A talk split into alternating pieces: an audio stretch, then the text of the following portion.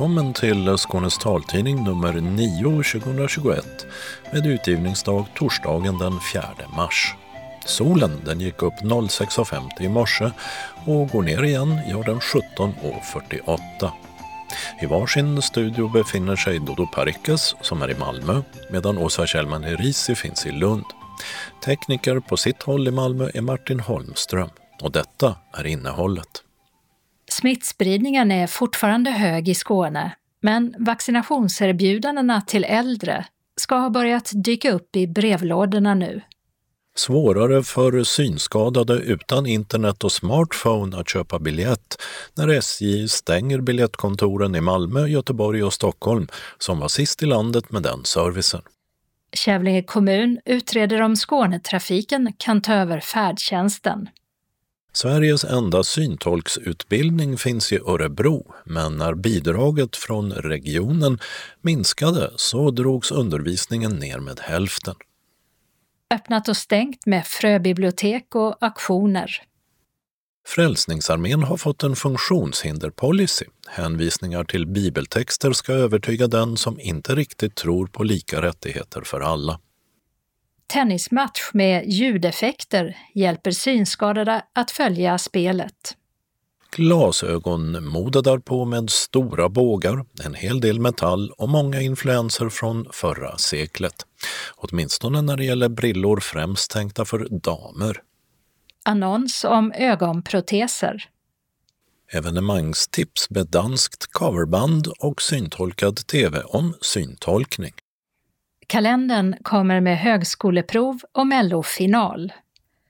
Anslagstavlan den innehåller förenings och trafikmeddelanden och är gemensam för hela Skåne. Och sist, som alltid, redaktionsrutan. Vi börjar med coronaläget. Statsepidemiolog Anders Tegnell sa på tisdagen att utvecklingen i landet går åt fel håll eftersom antalet smittade åter ökar medan oron för en tredje våg fortfarande finns kvar. Och denna vecka, alltså vecka 9, har sjukvården i Skåne börjat skicka ut brev till personer födda 1956 och tidigare med erbjudande om vaccinering mot covid-19. I första omgången skickas brevet till de som är 85 år eller äldre. I vecka 10 får de som är mellan 76 och 84 år sina brev. Därefter kommer ytterligare två omgångar till 70 till 75-åringar och sedan 65 till 69-åringar. Något planerat datum för utskicket till dessa två grupper finns inte när detta nummer av taltidningen spelas in. Breven de kommer i kuvert med Region Skånes logotyp från den vårdcentral man brukar anlita, antingen den är privat eller offentlig. Och hittills har drygt 800 000 vaccindoser getts i Sverige. Den 1 mars infördes nya coronarestriktioner. Samtliga serveringsställen och restauranger i landet måste nu stänga senast 2030. Detta gäller tills vidare och oavsett om det serveras alkohol eller ej. Däremot så är det fortfarande tillåtet att sälja hämtmat efter 2030. Den som ska fika eller äta på kaféer och restauranger i köpcentra och andra handelsplatser måste sitta ensam vid sitt bord. Fyra personers regeln gäller inte på de här ställena.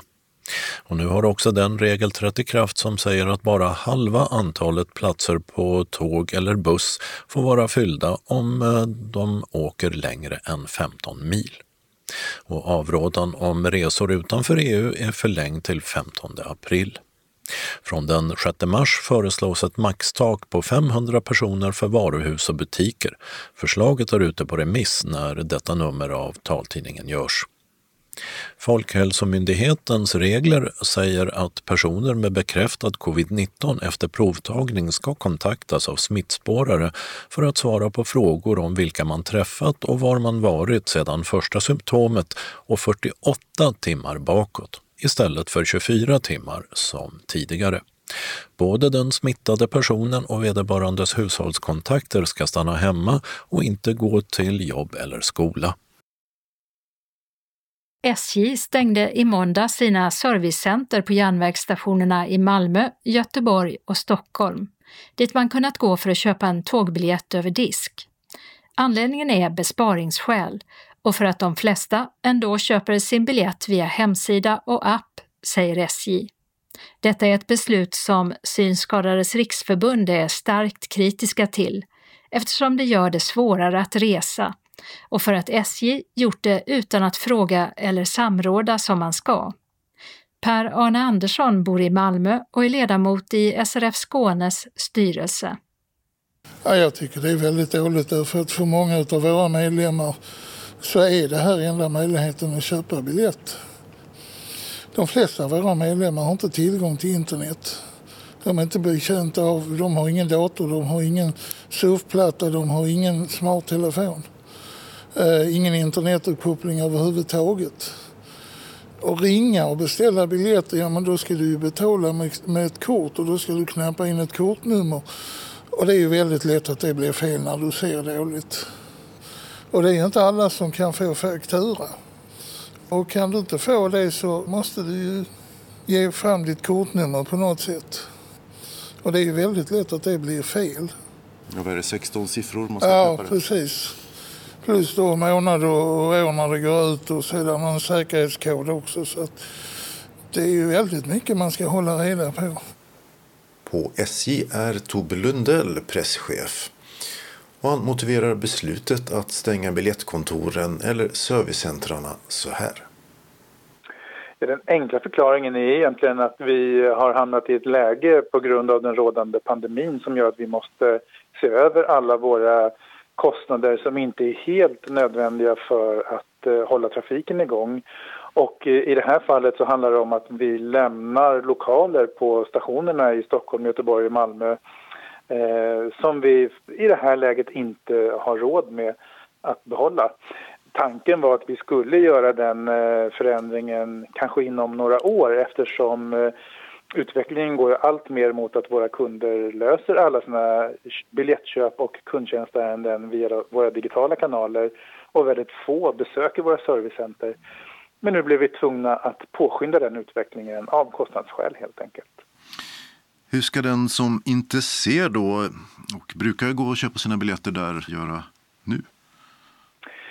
Eh, det fina med det här är ju att eh, det är bara lokalerna vi lämnar. Själva servicen den finns kvar och våra medarbetare kommer finnas kvar på stationen och på perronger för att kunna hjälpa till med exempelvis eh, köp i digitala kanaler eller i biljettautomat men också med ombokningar och information om rättigheter vid förseningar och andra typer av servicefunktioner. Så man kan få hjälp med biljettköp eh, på stationen. Men hur hittar man de här kundvärdarna ute på stationen? De är ju, eh, för, eh, de är ju väldigt tydliga i sin klädsel. De har en grön varselväst som det står SJ med väldigt stora bokstäver på. Och de kommer att röra sig på stationsområdet och inte minst i närheten av det utrymme, om vi pratar om i Malmö då, eh, där servicecenter och loungen ligger idag därför att eh, vår lounge där kommer ligga kvar på samma ställe. Biljettautomaterna finns ju där, men de är ju svåra att använda för den som inte ser eh, texten, för den går ju inte att få uppläst. Nej. Det är alldeles riktigt. Vi har ju satsat på eh, tillgänglighetsanpassning av våra andra kanaler, till exempel eh, på sj.se och i vår app, men inte biljettautomaterna. Men eh, det är ju en typ av hjälp som man verkligen kan få även i fortsättningen. Att man kan få hjälp av våra kundvärdar att köpa biljetter i våra automater. Ja, kundvärdar ska alltså röra sig i stationsmiljön och kunna hjälpa till med till exempel biljettköp i automaterna åtminstone från den 15 mars enligt SJs hemsida och på Malmö central då mellan klockan 6.30 och 17.15 på vardagar och 8.30 till 17.30 på söndagar. Per-Arne Andersson igen. Och så kommer man in som gravt synskadad. Hur ska man veta var de finns någonstans? Jag menar, det, eller ska de springa fram till varenda människa med vit käpp och fråga om de behöver hjälp att köpa SJ-biljetter? Alltså man, man har inte tänkt, tyvärr. Det är så vanligt. Man, man tänker inte utan man, man bara tittar på pengarna och så ska man spara pengar och så lägger man ner någonting som då drabbar en, en grupp som har problem i förvägen. Hur ser du på möjligheten att åka tåg med SJ i fortsättningen för era synskadade medlemmar? Ja, alltså för många av dem så blir det ju svårare. Eh, då måste de ju ha med sig någon som hjälper dem. Eh, och det är inte alla som har någon som man kan ta med sig. För man måste ju också, om man nu ska använda till exempel de automaterna som finns på stationen, så ska man ju då stå och slå in säkerhetskod på, eh, på automaten när man sticker in sitt kort. Och det är inte säkert man vill göra det så att vem som helst kan se på det.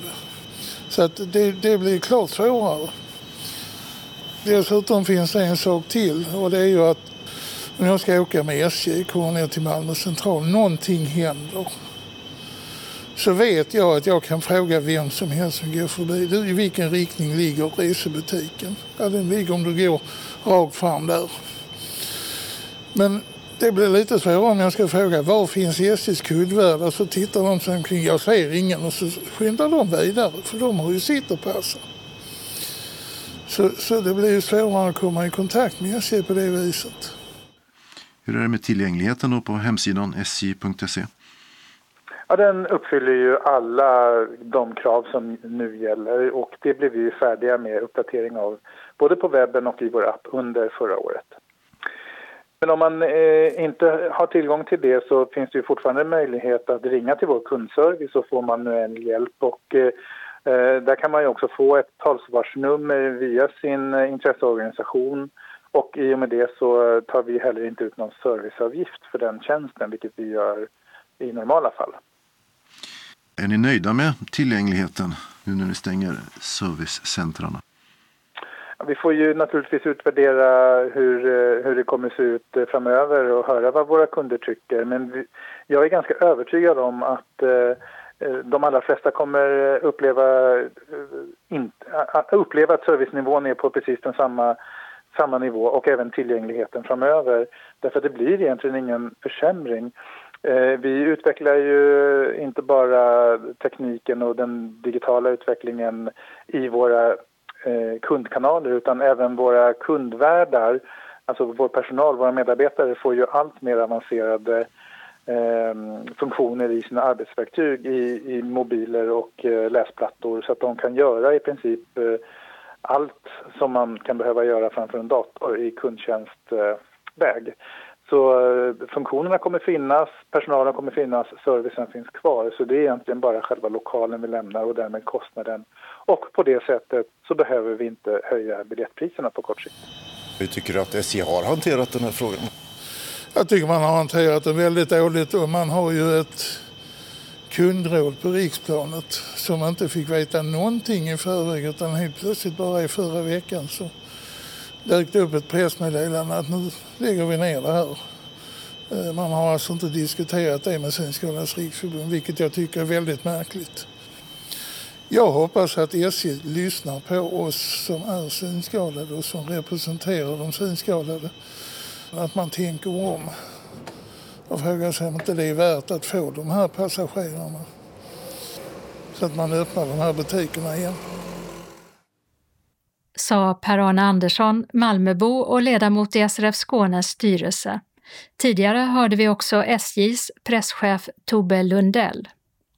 Vi kan tillägga att SJ-biljetter också säljs av Pressbyrån och 7-Eleven, men då mot en extra avgift på 100 kronor och de SJ-kundvärdar som finns på Malmö C arbetar måndag till fredag 6.30 till 17.15 och söndagar 8.15 till 17.15. Reporter var Mats Sundling. I Kävlinge pågår en utredning för att se hur bland annat färdtjänsten bäst ska drivas framöver. Alternativen som finns är att Skånetrafiken tar över eller att kommunen gör en ny upphandling. Det var i höstas som Taxi Kävlinge med kort varsel tillfälligt fick ta över färdtjänsten och skolskjutsen i Kävlinge när det kom fram att Trelleborgs Taxi inte skött sitt uppdrag. Bland annat handlade det om att företaget bytte underleverantörer för ofta och att man hade obesiktigade fordon. Helene Axelsson är inköpsstrateg på Kävlinge kommun. Nu nu så håller kommunen på med en utredning där vi tittar på andra alternativ eh, eh, för våra transporter och eh, skjutsar då. Och det gäller ju färdtjänst, skolskjuts och den ordinarie linjetrafiken som vi kikar på, ser vilka lösningar som finns. Om det finns några gemensamma lösningar som vi kan se att vi kan ha med Skånetrafiken. Till exempel om de erbjuder ett bättre utbud, vilka konsekvenser kan det få och så vidare. Så eh, när det gäller färdtjänsten, vad är tanken med den? Ja, tanken vet vi inte riktigt ännu. Vi håller på att utreda detta. Men det vi tittar på är att antingen så kör vi i egen drift eh, vilket då blir eh, att vi får gå ut och göra en, eh, vi gör en ny upphandling när det gäller eh, transportleverantör. Och Eh, det andra alternativet skulle då kanske vara att man lägger över det på eh, Skånetrafiken. Det är de bitarna man tittar på eh, i nuläget. Det har varit många turer om färdtjänsten i Kävlinge. Under väldigt lång tid körde Taxi Kävlinge färdtjänsten i kommunen, men den senaste upphandlingen förlorade de och istället tog Taxi Trelleborg över. Något som överklagades till förvaltningsrätten av både Taxi Kävlinge och Vellinge Taxi, men förgäves. Och i utredningen som nu görs tittar man på om man ska göra som de allra flesta andra kommunerna i Skåne och låta Skånetrafiken köra färdtjänsten och skolskjutsen i kommunen. Eller om Kävlinge kommun på nytt ska upphandla tjänsten. Och I den grupp som utreder det här så ingår förutom konsulterna ansvariga från olika verksamheter i kommunen. Där är eh, personal från eh, omsorgsförvaltningen som jobbar, arbetar med färdtjänstbiten så att säga, färdtjänsthandläggarna. Och där är från eh, strategiska samhällsbyggnaden som håller på med linjetrafiken. Och där är eh, referenspersoner från skolans område också. Och när i mars skulle det här vara klart, den här utredningen? Jag har ingen eh, exakt datum. Jag tror det blir i slutet av mars. Och sen behöver vi väl lite tid för, för att ta ställning eh, och titta på de olika alternativen och göra en analys av det. Så någon gång i vår så kommer vi ha fattat ett beslut på vilken väg vi ska gå. Men det innebär att eh, det kommer att ta ganska lång tid innan man har någonting klart för färdtjänsten? Vi har ju färdtjänst idag som rullar eh, där vi har en, eh, en leverantör som kör. Eh, det är dock ett tillfälligt avtal eh, tills vi har kommit fram till en utredning på, på vilken väg vi ska välja. Väljer vi att eh, fortsätta med färdtjänsten inom kommunen så kommer, eh, kommer vi gå ut i en ny upphandling. Och det kommer inte ske inom den närmsta för även en ny upphandling tar ju lite tid att genomföra och innan allting är på plats på ett nytt avtal. Då är vi inne på 2022. Så Taxi Kävlinge som har det tillfälliga avtalet idag, kommer de alltså få köra då till, till 2022 när man har något annat eventuellt? Som det ser ut just nu så ja, kommer de göra. De går ju på exakt samma avtal som vi hade med vår tidigare leverantör, Taxi Trelleborg. Hur fungerar färdtjänsten idag? Ja, det jag har fått till mig så ska det fungera bra. Det sa Helene Axelsson, inköpsstrateg i Kävlinge kommun. Reporter Åsa Kjellman Erisi. Sveriges enda syntolkutbildning finns på Fellingsbro folkhögskola i Närke. Men Region Örebro län, som är finansiär tillsammans med Folkbildningsrådet, har minskat det ekonomiska bidraget till skolan som tvingats halvera antalet undervisningstimmar och tagit bort praktik. Och även pandemin ställer till det just nu. Lotta Lagerman är kursansvarig. Vi har ju hamnat i en slags konstig mittemellan en pandemi och en besparing.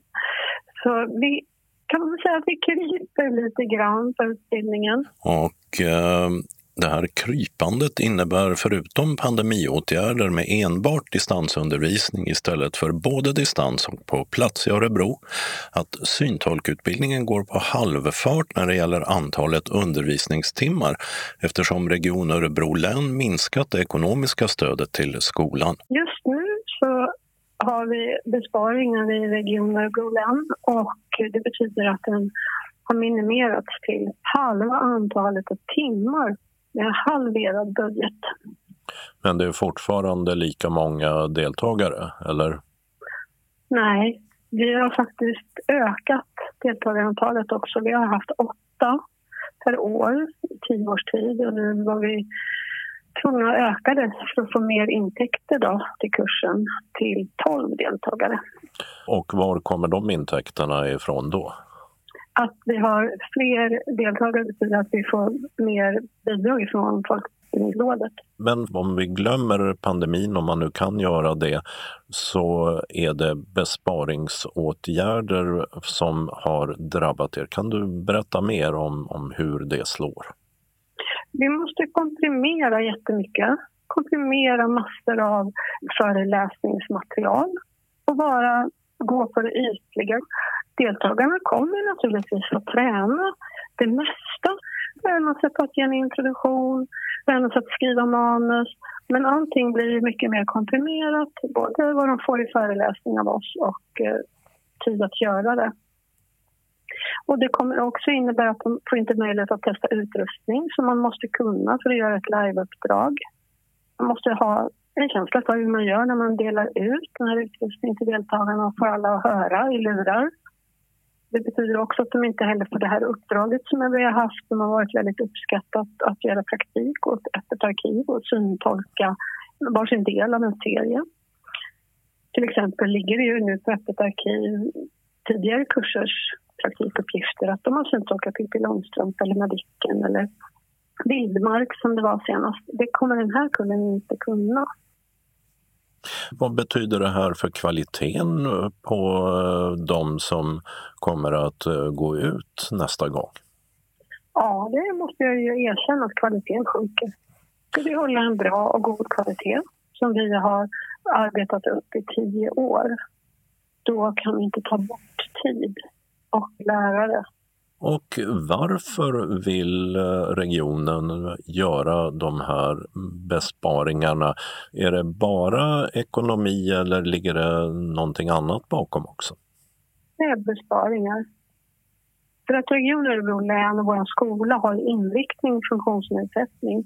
Så egentligen så tror jag att man nog skulle vilja ha den här, men hela regionen Örebro län måste spara jättemycket pengar under två år och då drabbas vi. Men det handlar inte om att uh, man menar att uh, det här borde göras på riksnivå och inte betalas av en region. Det finns inga sådana aspekter? Jo, självklart finns det det. Det gör det ju. Men vad kommer att hända på sikt? Alltså, kommer ni att kunna fortsätta att erbjuda den här utbildningen? Ja, där får inte försvinna. Vi är den enda syntoxutbildningen som finns. Då måste vi fortsätta. Men vi behöver stöd. Men har ni arbetat på att få upp det till högskolenivå istället eller universitetsnivå? Av erfarenhet så har ju vi på teckenspråkstolkutbildningen som drivs på vår skola också haft uppe den frågan under många, många år. Borde den inte ligga på högskola? Och vissa försök har ju gjorts. Men när vi har varit ute och sett vad får de för innehåll, de syntolkar som går på universitet i Polen eller i Barcelona? De får 75 timmar. De är språktolkar i botten och så får de 75 timmars syntolkning. Medan vi ger våra elever, när kursen är hel, då får de 450 timmar. De får jättemycket övning, hands-on, alla genrer. De ska ha provat och övat och tränat massor med olika varianter för att känna sig trygga och säkra.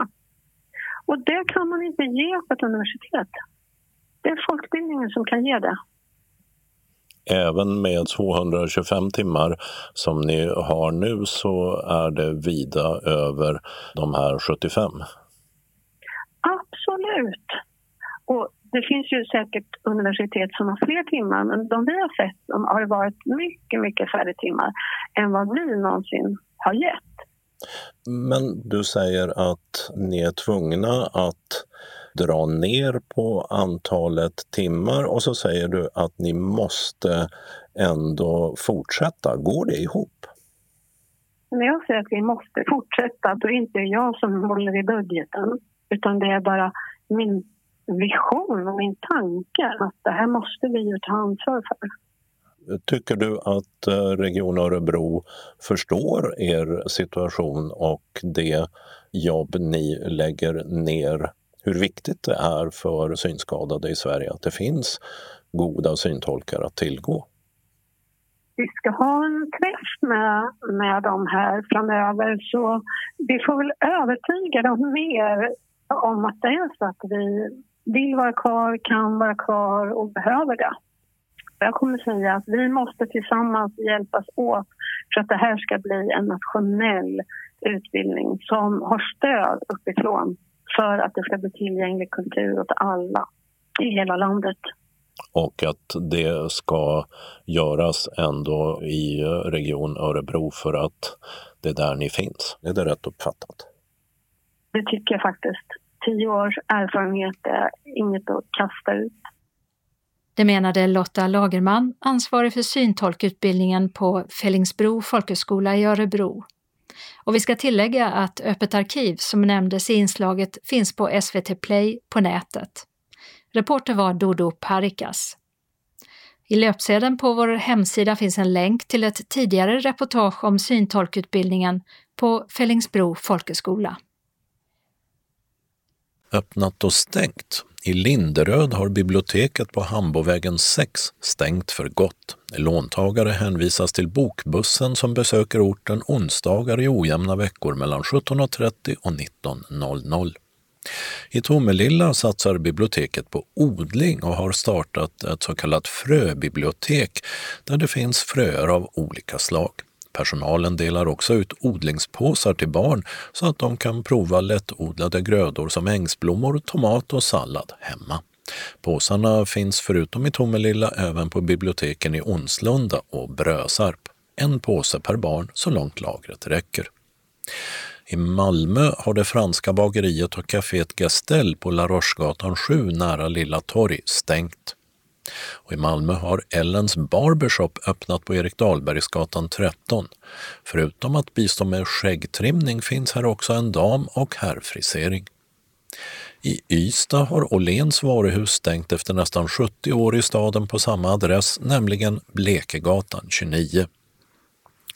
Och i Ystad har Malva Blommor på Malmövägen 28 stängt butiken men fortsätter som webbshop på nätet där det också finns möjlighet att beställa hemkörning av blommor.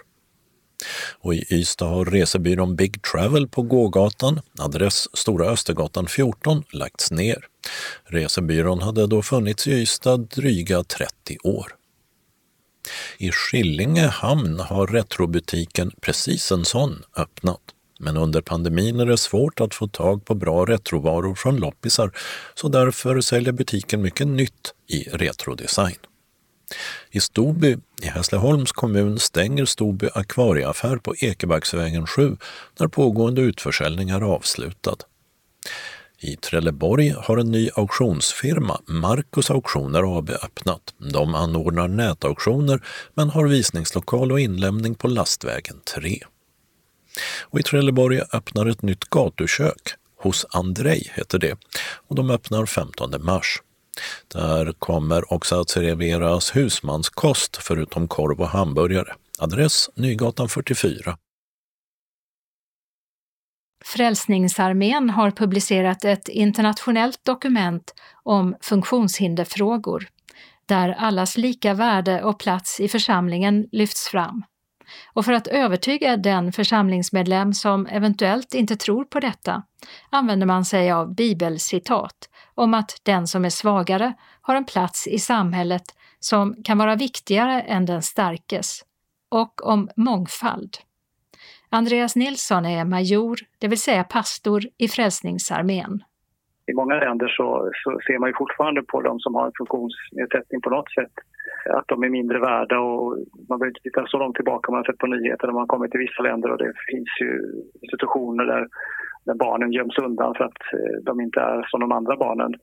Och oavsett eh, om man inte liksom passar in i normen så får man leva i någon slags utanförskap. Man får inget jobb och man blir inte accepterad som en fullvärdig människa. Därför finns det ju en väldigt stor behov av det på de platserna. Men jag tänker också att vi i Sverige har ju också ett behov av det, för det är lätt att man blir hemmablind, att man tror att vi är så duktiga och sen så möter man en människa som har svårt att ta sig fram eller svårt att se eller vad det nu är för någonting och så inser man att ja, men det som jag tar för självklart, det, det fungerar inte för alla människor. Samtidigt så är det ju så att just kyrkor föreställer man sig gärna är ställen där det inte skulle förekomma någon form av nedsättande syn på personer med funktionsnedsättning. Det är en önskan och en vilja, tror jag, från alla att, att man vill möta människor på samma sätt. Eh, men jag tror att man blir hemmablind och man har Får man en, en blind människa in i huset som man aldrig har haft förut och alla andra är seende så, så är det kanske först då man inser att här har vi konstiga trappsteg och här står det saker i vägen. Man, man får en annan blick när, när det väl blir aktuellt så att säga. Eh, och det är klart att har man då människor i, i sin gemenskap som har Eh, vissa hinder i, sina funktioner så, så är det klart att eh, då möter man ju det och, och gör det bästa utav det. Men just att eh, har man inte tänkt på det innan så blir det också att då exkluderar man ju dem för att man har inte tänkt tanken en gång. Frälsningsarméns dokument om funktionsnedsättningar inleds med orden Alla människor är skapade till Guds avbild och är lika till sitt egenvärde. Sedan gås teoribildning kring funktionshinder och funktionsnedsättning igenom kort, liksom FNs konvention om rättigheter för människor med funktionsnedsättning. Och så konstateras att kyrkornas världsråd efterlyst citat ”en kyrka av alla och för alla”. Under rubriken I praktiken står bland annat att citat Frälsningsarmén söker engagemang, samråd och aktivt deltagande av personer med funktionsnedsättning i utvecklandet och utformandet av Frälsningsarméns policy, personalpolicy liksom policy specifika för funktionshinder. Och sen så finns ett tiotal hänvisningar till avsnitt i Bibeln som på olika sätt berör relationen mellan den som har en funktionsnedsättning och den som inte har det. Om att den som är svagare har en plats som kan vara viktigare i tillvaron än den starkes. Om mångfald, för att nämna något. Vad fyller de här bibelställena för funktion? Handlar det om att övertyga den som inte tycker att den som har en funktionsnedsättning är lika mycket värd som andra? Jag tror att det kan finnas olika anledningar, men dels som du säger att man vill verkligen visa på. För återigen så tänker jag att i länder där det är så nedpräntat i kulturen att, att människor som inte Eh, så att säga normala inom situationstecken, att de är mindre värda och att de ska gömmas undan, att man ska skämmas för sina barn och sådär. Att de kanske då behöver en biblisk hänvisning för att visa på att ja, men du tror ju på det här. Det här är den guden som du tror på och när han säger det här, då tror jag att det finns ett bra pedagogiskt syfte med det. Jag tänker att det finns ju också en, en eh, om du då som pastor ska eh, predika eller ta i gudstjänster och sånt så kan man också hänvisa till bibelställen att ta upp det här på ett naturligt sätt som folk förstår och som har en, en, en bra ingång i församlingens medlemmar. Eh, och man kan starta ett samtal på ett annat sätt tror jag också utifrån det. Särskilt om man har en, en kultur som, som jobbar emot det här så kan det vara svårt och kan det kanske till och med bli tabu att prata om det men, men då kan man liksom ändå hänvisa till att ja, men vi tror ju på Bibeln och det som står där eh, och det här står faktiskt där och då kan man diskutera utifrån det och kanske riva ner lite murar som kan stoppa ett samtal överhuvudtaget. Men är det frågan om att ge människor argument via Bibeln för att ha en vettig eh, inställning, att bryta ner fördomar med hjälp av de här bibelställena? Ja, men det kan väl absolut göra. Jag tror att vi i Sverige så är vi oftast, där vill vi göra rätt och, och märker vi att ja, men det här har vi missat eh, så tror jag att viljan finns att, att rätta till det. Men det kan ju vara på andra ställen där man har en, en högre tröskel att gå över. Och det är klart att då, då får man ju mer argument. Eh, är man ändå en kyrka i ett annat land så har man ju, jag har ju samma bibel. Och då, eh, då finns det också en, en argumentation där som, som, är, som går in på ett gemensamt område där, där alla har samma plattform att stå på. Jag tycker egentligen att hela bibeln är ju genomsyrad av det här med allas lika värde och, och att alla är värdefulla. Eh, och Jesus i sina liknelser är det ju gång på gång han plockar fram de som, som eh, folket på den tiden såg ner på och tyckte var mindre värda och de spetälska. Eh, det var inget, ingen funktionsnedsättning men det var ju ändå en sjukdom som gjorde att de blev uteslutna för att de var annorlunda. Och alla är välkomna, alla är lika älskade. Det sa major Andreas Nilsson som arbetar som kommendörens sekreterare inom Svenska Frälsningsarmén.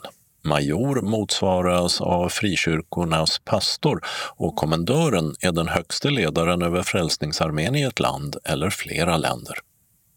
Är då den här kyrkans dokument om funktionsnedsättning mest en angelägenhet för länder med en snävare syn på funktionsnedsättning än Sverige, som Andreas Nilsson menade? Ja, Mackan Andersson, verksam inom Frälsningsarmén i Malmö, menar att dokumentet bekräftar att deras inkluderande sätt att arbeta varit det rätta. Den stora skillnaden för mig blir nu att min kompetens kommer att efterfrågas på fler ställen i södra Sverige för att få det att funka bättre på alla ställen där Frälsningsarmén finns, avslutar Mackan Andersson som har titeln omsorgsofficer för Frälsningsarméns arbete bland syn och hörselskadade. Och när detta nummer av taltidningen görs så har den svenska översättningen av dokumentet ännu inte publicerats på Svenska Frälsningsarméns hemsida. Reporter var Dodo Parikas. Så en sportnyhet. Synskadade fans kunde följa finalmatcherna i årets Australian Open i tennis nyligen på ett helt nytt sätt.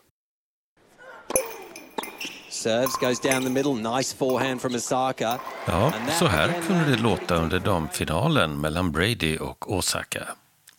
Med hjälp av inlagda 3D-ljud kunde lyssnaren själv höra var bollen var, vad för slag som användes och om bollen var nära linjen. Systemet som kallas Action Audio består av flera olika ljud. Ett högt pip betyder att bollen slås med forehand och ett lågt pip hörs vid backhand. Ju närmare planens ytterlinjer som bollen studsar, desto fler studsljud. Den här bollen var alltså inte särskilt nära linjen, men den här bollen var nära att gå ut. Dessutom hörs bollträffarna som en bjällra och bollbanans ljud kan också följas.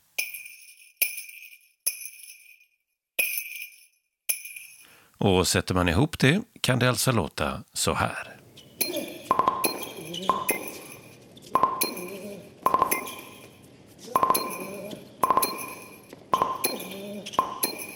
Action Audio är frukten av ett samarbete mellan australiensiska tennisförbundet, Monash-universitetet och det digitala designföretaget Aqua. Och det var alltså världspremiär under finaldagarna i Melbourne, Australien. Man eh, använder sig av data från det redan befintliga systemet i tennis som ständigt följer bollens position i en digital 3D-modell. Det här systemet kallas Hawkeye, hököga, och har ersatt mänskliga linjedomare i över 80 tennisturneringar världen över. Och flera sporter använder systemet för att hålla koll på bollen, till exempel fotboll, snooker och cricket. Kanske kan Action Audio användas även där i framtiden.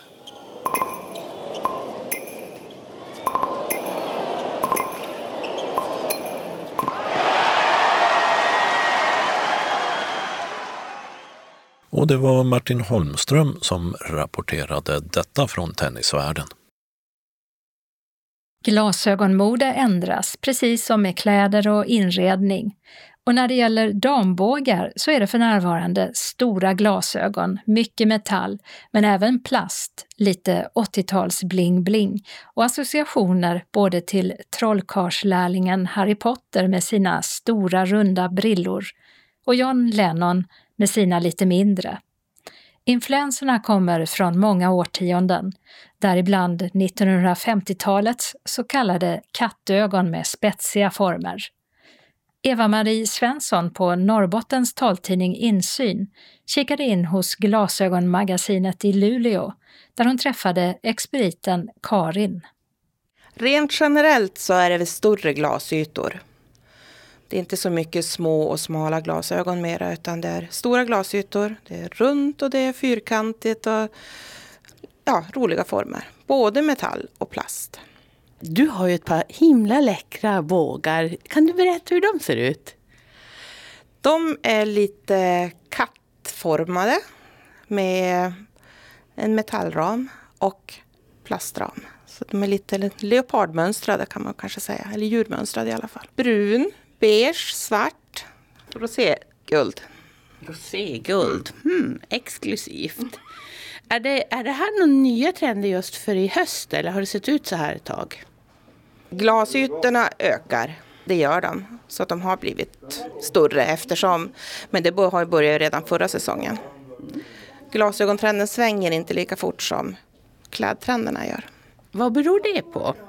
Det är inte alldeles billigt att köpa glasögon. Med en skjorta kanske du bara har en säsong. Glasögon ska ju kanske sitta i ansiktet i flera år. Ska vi titta lite grann? Du har lagt fram några par här. Här är då flera metallbågar. Jag har ett par runda, silverfärgade. Och de är cirkelrunda runt glasen. En båge med lite bling-bling på, lite Swarovski-kristaller. Kör kanske att den blir, känns lite mer exklusiv och, och rolig, personlig. För det är mycket personlighet i, i mycket av de nya bågarna. Det är lite John Lennon över de där, fast de är mycket större. Ja, det är riktigt cirkelrunda John Lennon eller Harry Potter, vilket man då vill kalla det för. Sen finns det en som är här också i silver och metall. Fyrkantigare, lite formen av en, ja jag vet inte vad man ska säga, gammeldags tv-skärm. Lite skalmar som är lite krokiga, som en lättare slalombana. Det händer någonting roligt på, på sidan också. De är silvriga och stora som fyrkanter. Det är lite 80-tal över den där. Om förra var 60 så var det här lite 80. Ja, men det är mycket retroformer på dem. Det som många säger att de har sett förut. Och det som vi då inte har jättelänge kvar till pension en gång faktiskt har haft förut. Om man har varit glasögonbärare länge. Hur känns det då? Är det kul att plocka på sig gamla favoriter eller tänker du bara åh vad jobbigt? Nej, jag tycker det är kul. Det är ju, och de är ju roligare än vad de var på 70-talet ändå. Sen finns det ytterligare en form. Ja, man säger halva är guld, upp till är guld och så ner till är den svart och den är väldigt kantig. Vad är det? Sex kanter på den. Så den är varken rund eller fyrkantig, men en rolig form som är faktiskt jättefin på, på många. Det, det, det leks lite mera med, med former. Ja, det, ser, det känns nytt. Det känns kul. Det var metallbågarna. Sen har du en hel del i andra material. Ja, då har vi plast. Och då är det mycket med väldigt mycket plast. Både lite bredare skalmar kommer tillbaka och mycket, mycket färg i ansiktet blir det. Glasögonen tar lite plats i ansiktet. Den här är svart. Jag är nyfiken. Vi tittar vidare. Här har du en som är riktigt retro. Där har du väldigt mycket plast, tjocka, tjock båge i en gråblå ton som är frän och trendig på den som det passar. Här måste man ju titta lite grann på stilen på kunden. För det här passar ju inte riktigt i vilket ansikte som helst. Men den är rolig. Det där är ju någonting som jag känner igen från bilder på mormor från kanske 40-talet eller 50 eller... Det är inte omöjligt att det är lite inspirerat. Det är ju, om vi tittar lite bakåt, det fanns ju mycket fräna glasögon. Det finns mycket tv-serier där du ser hornbågade och kattformade och även då kraftiga. En del tycker det ser ut som en gammal professorsglasögon. Den är tjock den där bågen. Men den är ju som lite transparent i det här gråa också så det borde ju också göra att den blir lite lättare att bära. Den blir ju inte lika dominant i ansiktet när den är transparent. Den får nästan lite olika färg beroende på vilken hudton du har. Den här som ser ganska intetfärgad ut när man håller den i handen. Den kan färgas väldigt mycket beroende på vilken färg du har på ansiktet och, och hår och allting. Så det måste man nästan prova för att veta om man passar i den. Kan du beskriva den? Just den här är en eh, både plast och metallram runt glaset. En tunn, tunn metallram i guld och utanpå det en, en ja, väldigt transparent plastram, lite kattformad i, i formen. Och det är mycket som är kattformat. Sen har vi här en som också är både plast och metall. Rundare i formen, inte John Lennon-runda längre, men eh, runda. Och väldigt melerad i färgen. Den är nästan randig i, i grått och, och svart. Där den gråa delen är ganska transparent. Också en frän båge. Rolig. Mm, snygg. Svårt att välja den här rosa som du har där. Den är varken kattformad eller fyrkantig eller rund. Jag vet inte hur man ska beskriva formen. Som en rosett kanske. Eh, ljusrosa upp till och lite guldglitter transparent ner till. Sen finns det ju alltid bågar som är som man kanske känner igen. Så man kanske inte vill vara så sticka ut med sina glasögon. Man kanske vill ha en form som är lite lugnare, lite mer klassisk och det finns det ju också hur mycket som helst. Men det säljs väldigt mycket runda glasögon just nu. Hur eh, vägleder du kunderna? Vad är det man tittar på när man ska liksom se om någon passar i ett par glasögon? Jag tittar ju på färger. På dina egna färger och ögonfärger. Och sen även stil.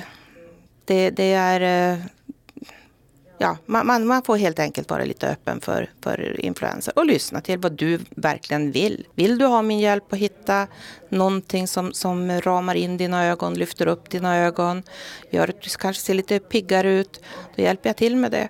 Vill man inte ha någon hjälp så måste man naturligtvis få gå och titta själv. Men eh, vi försöker ändå jobba nära kunderna och, och, och vägleda och vara ärliga. Vi vill inte sälja glasögon som vi inte törs möta på stan utan vi vill att alla ska känna sig nöjd med sitt inköp. Mycket då tack vare att det, det är ju som sagt var, det är en peng som ska ut och som man ska bära med sig några år. Nu blir jag så himla nyfiken. När du nu ser mig. Jag, är ju då, jag har ju då mörkt, ganska långt, tråkigt hår eller mellanbrunt hår. Och ingen speciell klädstil sådär. Jag är ju inget trendig eller så. Jag har ett ganska tjockt ansikte och sen har jag ju gröna ögon. Vad tänker du så spontant när du ser mig? Vad skulle du liksom passa in? Jag är nog så att jag vill nog gärna börja prova lite olika bågformer på dig för att se åt vilket håll det, det tar. Och det är som sagt, jag tittar ju väldigt mycket på ögonen när jag provar ut bågar. Jag vill att bågen ska lyfta ögat och öppna ögat. Du ska få glada ögon. Ja, då kör vi. Jag skulle nog vilja ha lite större glasyta på dig.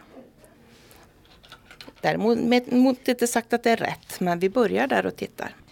Nu har jag plockat fram en guldfärgad, lite större glasyta. Ganska fyrkantig i formen, men ändå inte överdrivet kantig. Jag tycker det ser lite så här jetset över den här bågen. Men det är väl inte helt fel att vara jetset? Absolut inte. Jättesnygg. Omdöme? Jag tycker du är jättesnygg i den.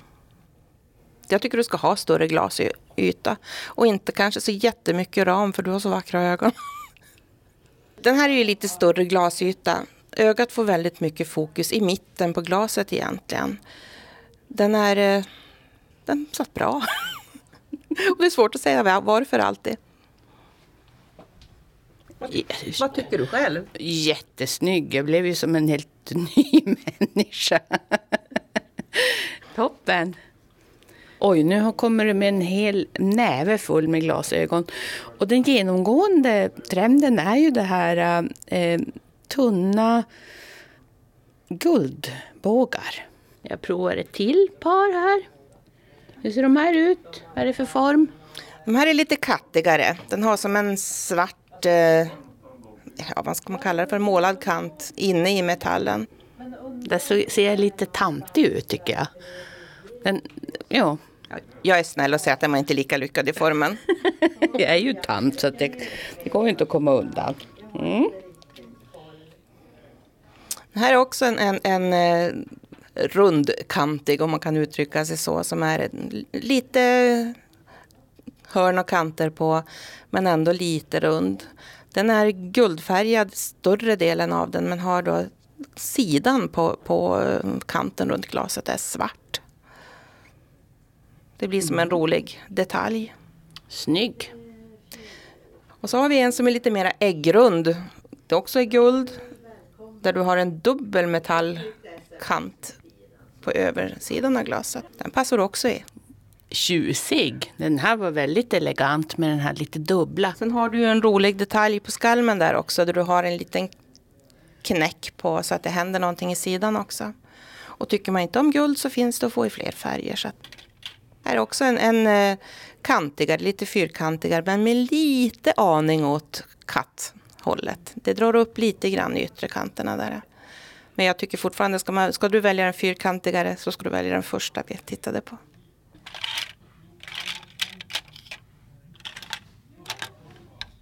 Och det var Eva-Marie Svensson på Norrbottens taltidning Insyn som var reporter. Så har vi en annons eller efterlysning från en läsare. Jag skulle vilja ha gamla ögonproteser. Min dotter håller på med att skulptera i lera. Hon har fått mina gamla proteser och blivit förtjust i att använda dem och är nu i behov av fler. Har du proteser liggande som ska kastas? Gör inte det.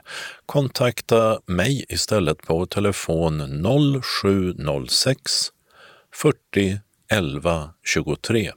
Hälsar Cecilia Linderoth i Lund. Evenemangstips och vi ska börja med att säga att den ansvariga för syntolksutbildningen på Fellingsbro folkhögskola som nämndes i samband med ett tv-inslag vi tipsade om i förra numret heter Lotta Lagerman och inget annat. Och det inslag i tv-programmet Sverige om syntolkning som vi också berättade om sist är nu syntolkat och finns på SVT Play. Det sänds dessutom syntolkat i SVT 24 klockan 22 söndagen den 7 mars. Inslaget börjar ungefär 21 minuter in i programmet. Regeringen har aviserat att museer och konsthallar kan komma att öppna under begränsade former. Men när detta nummer av taltidningen produceras har ännu inget beslut kommit om en sådan försiktig öppning innan den sista mars av till exempel Malmö museer eller Malmö konsthall. Malmö museer skriver i ett mejl till taltidningen att de vill väldigt gärna öppna för mindre grupper av besökare när klartecken ges. Så till gratismusik från Malmö Live på nätet via det digitala konserthuset på hemsidan malmolive.se. Den 8 mars 20.00 är det dags för måndagsmusik med Kristoffer Sjöström Trio. Malmögruppen i fråga utlovar jazz och folkmusik om vartannat. Ibland skymtas melodier, men ofta blir det improviserade musikaliska resor i stunden. På Malmö Lives Youtube-kanal kan man ta del av MSO bakom musiken med Susanna Nielsen, stämledare i Violastämman. Hon spelar Vieuxtemps Capriccio för soloviola. Hommage a Paganini samt berättar om violans funktion i orkestern och relationen mellan musiker och publik. Dessutom så bjuder Malmö symfoniorkester tre torsdagar i mars på en musikalisk resa via nätet genom tre länder. Innan varje konsert ger dirigenten Robert Trevino en introduktion till musiken och länderna. 11 mars är det Finland och Eino Juhani Rautavaras Lost Landscapes samt Jean Sibelius andra symfoni som gjorde hans namn känt över världen. Torsdagen den 18 mars är temat Ryssland med Sergej Prokofjevs första pianokonsert och Piotr Tchaikovskys sjätte symfoni Patetik. Och den 25 mars kommer turen till Österrike och Anton Bruckners fjärde symfoni. Uppsala stadsteaters föreställningar brukar vi inte tipsa om i taltidningen, men nu finns det anledning att göra det. Det skulle gästspela på Malmö stadsteater med föreställningen det skulle drunkna i sina mödrars tårar efter Johannes Angyrus bok med samma namn. Men allt har ändrats och istället så blir framförandet digitalt. Pjäsen är en science fiction-thriller om hopp och hopplöshet i dagens Europa, om vänskap och svek och om terrorns och fascismens mekanismer. Och man kan ta del av den via Malmö stadsteaters hemsida 18 mars 19.00 och 20 mars 18.00. Innan föreställningen är det introduktion och efteråt diskussion. Biljetterna kostar 100 kronor oavsett hur många som kollar. Bokningen sker via Malmö stadsteater. Tisdagen den 9 mars mellan 10 och 11 på förmiddagen ställs frågan Vad kan vi vänta oss av eventåret 2021? Arrangör är Event in Skåne som drivs av regionen och Kommunförbundet Skåne. Det sker under en digital hearing om utmaningar och möjligheter för eventbranschen i pandemins spår. Utgångspunkten är att de flesta idrotts och kulturevenemang planerar att dra igång i sommar. Men vad vet man om vilka förutsättningar och eventuella restriktioner som kommer att råda? Medverkar gör Riksidrottsförbundets ordförande Björn Eriksson, Live Nations Anna Sjölund och Nordisk kulturfondsdirektör Benny Marcel, för att nämna några. Man anmäler sig till det digitala seminariet via hemsidan eventinskane.com. Men det verkar även vara möjligt att gå in på sidan och kolla direkt. För alla fans till den 2018 bortgångna danska musikern och sångaren Kim Larsen och bandet Gasolin så kan det vara bra att känna till att Gasolin-coverbandet Gasbox uppträder på The Tivoli i Helsingborg den 12 mars med insläpp 18.30 för den som ska äta på den så kallade gräddhyllan, där mat och konsert kostar 620 kronor och insläpp 19.00 för de som bara ska på konserten, som kostar 225 kronor. Tixter har biljetterna. Bandet börjar spela 20.00 och uppträdandet strömmas även på The Tivolis Facebook-sida. I maj fyller artisten Lill Lindfors 80 år och i höst ska hon ut och turnera. Tillsammans är ett sätt att finnas till, heter turnén. Musiker är Mats Norrefalk på gitarr, Johan Granström på bas och Johan Lövkrans trummor medan Claes Krona spelar piano. 19 föreställningar Sverige runt blir det och lördagen den 23 oktober uppträder de på Helsingborgs konserthus. Den 5 november är en konsert inplanerad i Kulturkvarteret i Kristianstad medan uppträdandet den 6 november på Palladium i Malmö är utsålt. Alla konserterna börjar 19 och varar två timmar. Priserna ligger kring 500 kronor och biljetterna kan bokas via Nortic eller respektive spelplats. Biljettinformation Nortic 0455 61 97 00 Helsingborgs konserthus 042 10 42 80 Kulturkvarteret Kristianstad 0709 20 58 04 Coop Galleria Boulevard 010 747 22 72 Malmö Stadsteater 040 20 86 10 Kalendern vecka 10 börjar med måndagen den 8 mars, då det är den internationella kvinnodagen, då kvinnors situation i världen tas upp. Dagen uppmärksammas på många håll och ett exempel är Europaparlamentet som i år visar på den viktiga roll som kvinnor spelar under coronakrisen. Och jämställdhetsutskottets ordförande Evelyn Regner kommer under dagen att i en livesändning på Facebook svara på frågor om läget för jämställdheten inom EU och hur pandemin har försvårat situationen för många kvinnor. Dokumentärfilmfestivalen Tempo, som i vanliga fall äger rum i Stockholm, startar och i år är den digital och håller på hela veckan fram till den 14 mars. Dokumentärer från hela världen visas både inom film, radio, foto samt andra medier. Det kommer också att arrangeras seminarier och debatter om dokumentärgenren. I klassen för korta radiodokumentärer deltar, som vi tidigare berättat, synskadeaktivisten Finn Hellman med ljudverket Myndigheten för tupplurar och missljud. Siv och Saga har namnsdag. Tisdagen den 9 mars har Torbjörn och Torleif namnsdag. I riksdagen är det interpellationsdebatter från klockan 13 som direktsänds. Statsråden svarar på frågor om allt från närgångna vargar till flera frågeställningar kring arbetslösheten i Sverige. Svarar gör bland andra arbetsmarknadsminister Eva Nordmark, Socialdemokraterna. Onsdagen den 10 mars är det Edla och Ada som firar namnsdag. Torsdagen den 11 mars har Edvin och Egon namnsdag. För ett år sedan inträffade det första dödsfallet i covid-19 i Sverige och Världshälsoorganisationen klassade samma dag covid-19 som en pandemi. 2011, alltså för tio år sedan, inträffade en mycket kraftig jordbävning utanför Japans östkust. Fyra kärnkraftverk skadades, varav följderna för verket i Fukushima jämförts med skadorna i Tjernobyl. Tillsammans med en efterföljande tsunami uppstod skador till ett värde av kring 900 miljarder kronor. För 80 år sedan undertecknade den amerikanske presidenten Franklin D. Roosevelt Lend-Lease-lagen.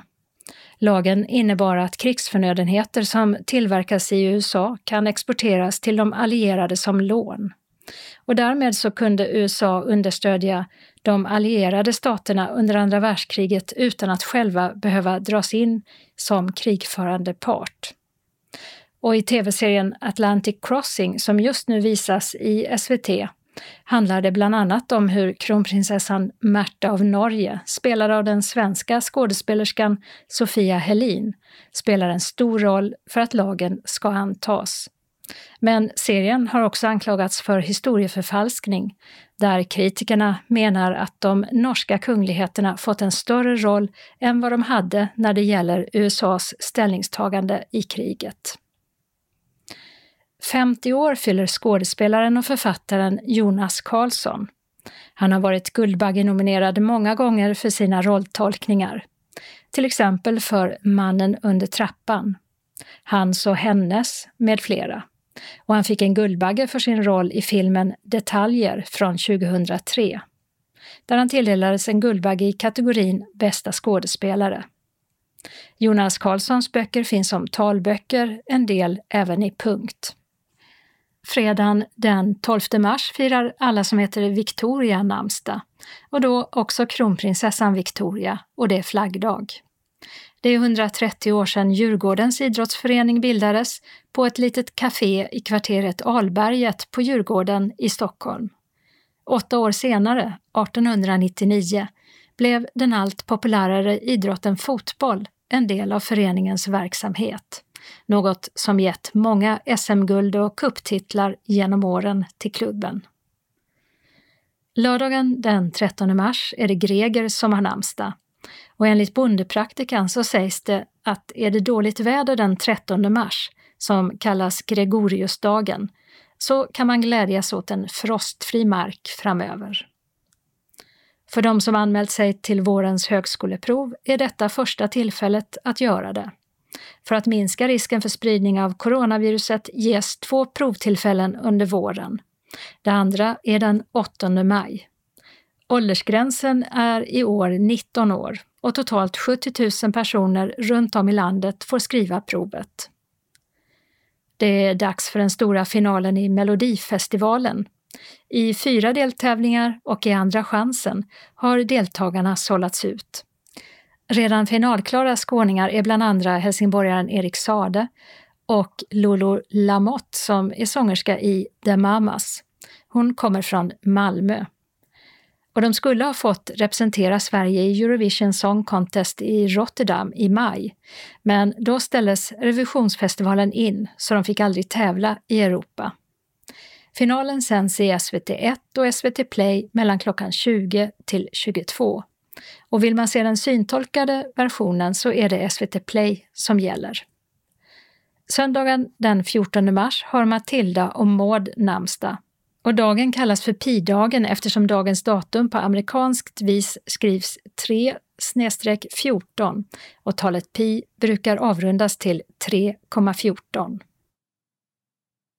Den regionala anslagstavlan börjar med ett meddelande från redaktionen om att så här i coronatider är det inte alla dagar som kansliet är bemannat här på taltidningen. Vi försöker enligt restriktionerna att jobba hemifrån så mycket det går och hoppas ni har förståelse för situationen. Det går alltid bra att lämna ett meddelande på telefonsvararen så återkommer vi så snart vi kan. Eller skicka mejl till adress Skanes taltidning skane.se. Glaukomföreningen Syd har ett meddelande till sina medlemmar. 7–13 mars genomförs den årliga världsglaukomveckan för att göra ögonsjukdomen glaukom mer känd. Tisdagen den 9 mars klockan 18 arrangerar Glaukomföreningen Syd en digital föreläsning med Boel Bengtsson, professor i oftalmologi och forskargruppschef vid Lunds universitet, med rubriken Synfält viktigt för kontroll av glaukom. Vad gör vi för att förenkla för patienten och för sjukvårdspersonalen? Föreläsningen är fulltecknad men intresserade kan få en inspelad version efter föreläsningen genom att kontakta Ulla Göransson, e-post goransson.ulla gmail.com och Goransson stavas med två s.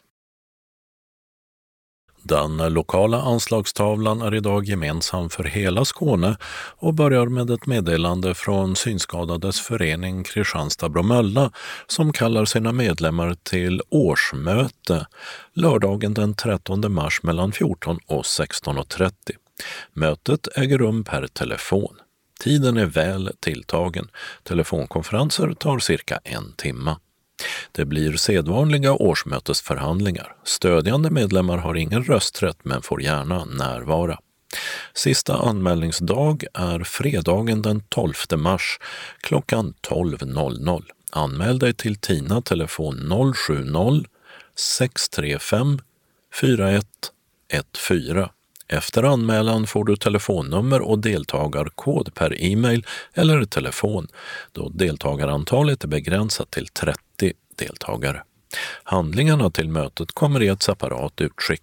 Välkommen hälsar styrelsen. SRF Norra Skåne önskar hjärtligt välkommen till årets vårkonsert med Hässlekören söndagen den 25 april mellan 17 och 19 i Kulturhuset Röda Salongen, Järnvägsgatan 23 i Hässleholm. Ordinarie biljettkostnad 200 kronor men du som medlem betalar endast 100 kronor. Ledsagare betalas av kommunen. Anmäl dig så snart som möjligt men senast torsdagen den 25 mars till Anna-Lena Päckile, telefon 0451 23101 eller 070 36 00 647.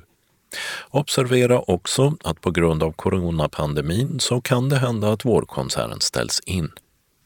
Vi har också en uppmaning vad tycker du att samrådsgruppen och kommunala tillgänglighetsrådet ska arbeta med gällande tillgängligheten i Hässleholm? Kom med förslag. Vårhälsningar undertecknat styrelsen. Och SRF Västra Skåne har ett meddelande till alla medlemmar i Helsingborg, Höganäs, Landskrona och Svalöv. Öppettiderna för kansliet är från och med 8 mars 8.00 till 16.00 måndag till torsdag och 8.00 till 14.00 fredagar. Telefontiderna är 08.00 till 12.00 varje dag. Undertecknat Kansliet. Vi har några tillfälliga ändringar i busstrafiken på olika håll i Skåne. På grund av reparation av ett kabelfel på Västerlånggatan så flyttas hållplats Repslagaregatan läge A för stadsbuss 2 mot Rönneberga till en eh, tillfällig plats cirka 90 meter bakåt, motsatt bussens färdriktning. Detta på Västerlånggatan. Detta gäller 5 mars 07.00 till 31 mars 16.00. I Kristianstad har VA-arbetena på Kanalgatan mellan Tredalagatan och Östra Kaserngatan förlängts till och med 12 mars 17.00. För hållplats Östra Kaserngatan läge A hänvisas fortfarande till tillfällig hållplats cirka 140 meter bakåt, motsatt bussens färdriktning på Kanalgatan. Och för läge B är den tillfälliga hållplatsen kvar cirka 110 meter framåt i bussens färdriktning, också på Kanalgatan. I Lund pågår VA-arbeten på Sölvegatan mellan 8 mars 07.00 och 21 mars 16.00. Det gör att stadsbuss 7 har ändrad körväg och tillfälligt ändrade hållplatser i bägge riktningar under den tiden. Mot Klostergården är hållplatserna Allhelgonakyrkan och Biskopshuset stängda med hänvisning till bryggeriet läge A på Kung Oscars väg. Och mot Östra Torn hänvisas till bryggeriet läge B på samma gata. För hållplatserna Sölvegatan och Fysiologen hänvisas i riktning mot Klostergården till Vattentornet läge A eller Professorsgatan läge B och mot Östra Torn till Professorsgatan läge A eller Vattentornet läge B. I Malmö har arbetena på Citadellsvägen som berör stadsbussarna 7 och 8 förlängts till och med 1 april 15.00. Hållplats Tekniska museet läge B i riktning in mot Centralen är fortsatt flyttad 20 meter bakåt motsatt bussens körriktning. Och I Malmö så grävs det för kabelarbete på Ystadvägen. Det berör stadsbuss 2 mot Västra hamnen eftersom hållplats Dalslandsgatan stängs till och med 5 mars 15.00 med hänvisning under tiden till hållplats Dalaplan på Södra Förstadsgatan. Och det var allt eh, från Skånes taltidning för denna gång. Nästa nummer kommer torsdagen den 11 mars. Skånes taltidning ges ut av Region Skånes psykiatri och habiliteringsförvaltning. Ansvarig utgivare är Martin Holmström. Postadress Jörgen Ankersgatan 12, 211 45 Malmö. Telefon 040 673 0970. E-post Skanes taltidning snabela skane.se och hemsida skanestaltidning.se. Observera att CD-skivorna inte ska skickas tillbaka till oss. Såväl skivor som kuvert kan läggas i brännbara sopor när ni inte längre vill ha dem. Vi hörs igen. Hej då!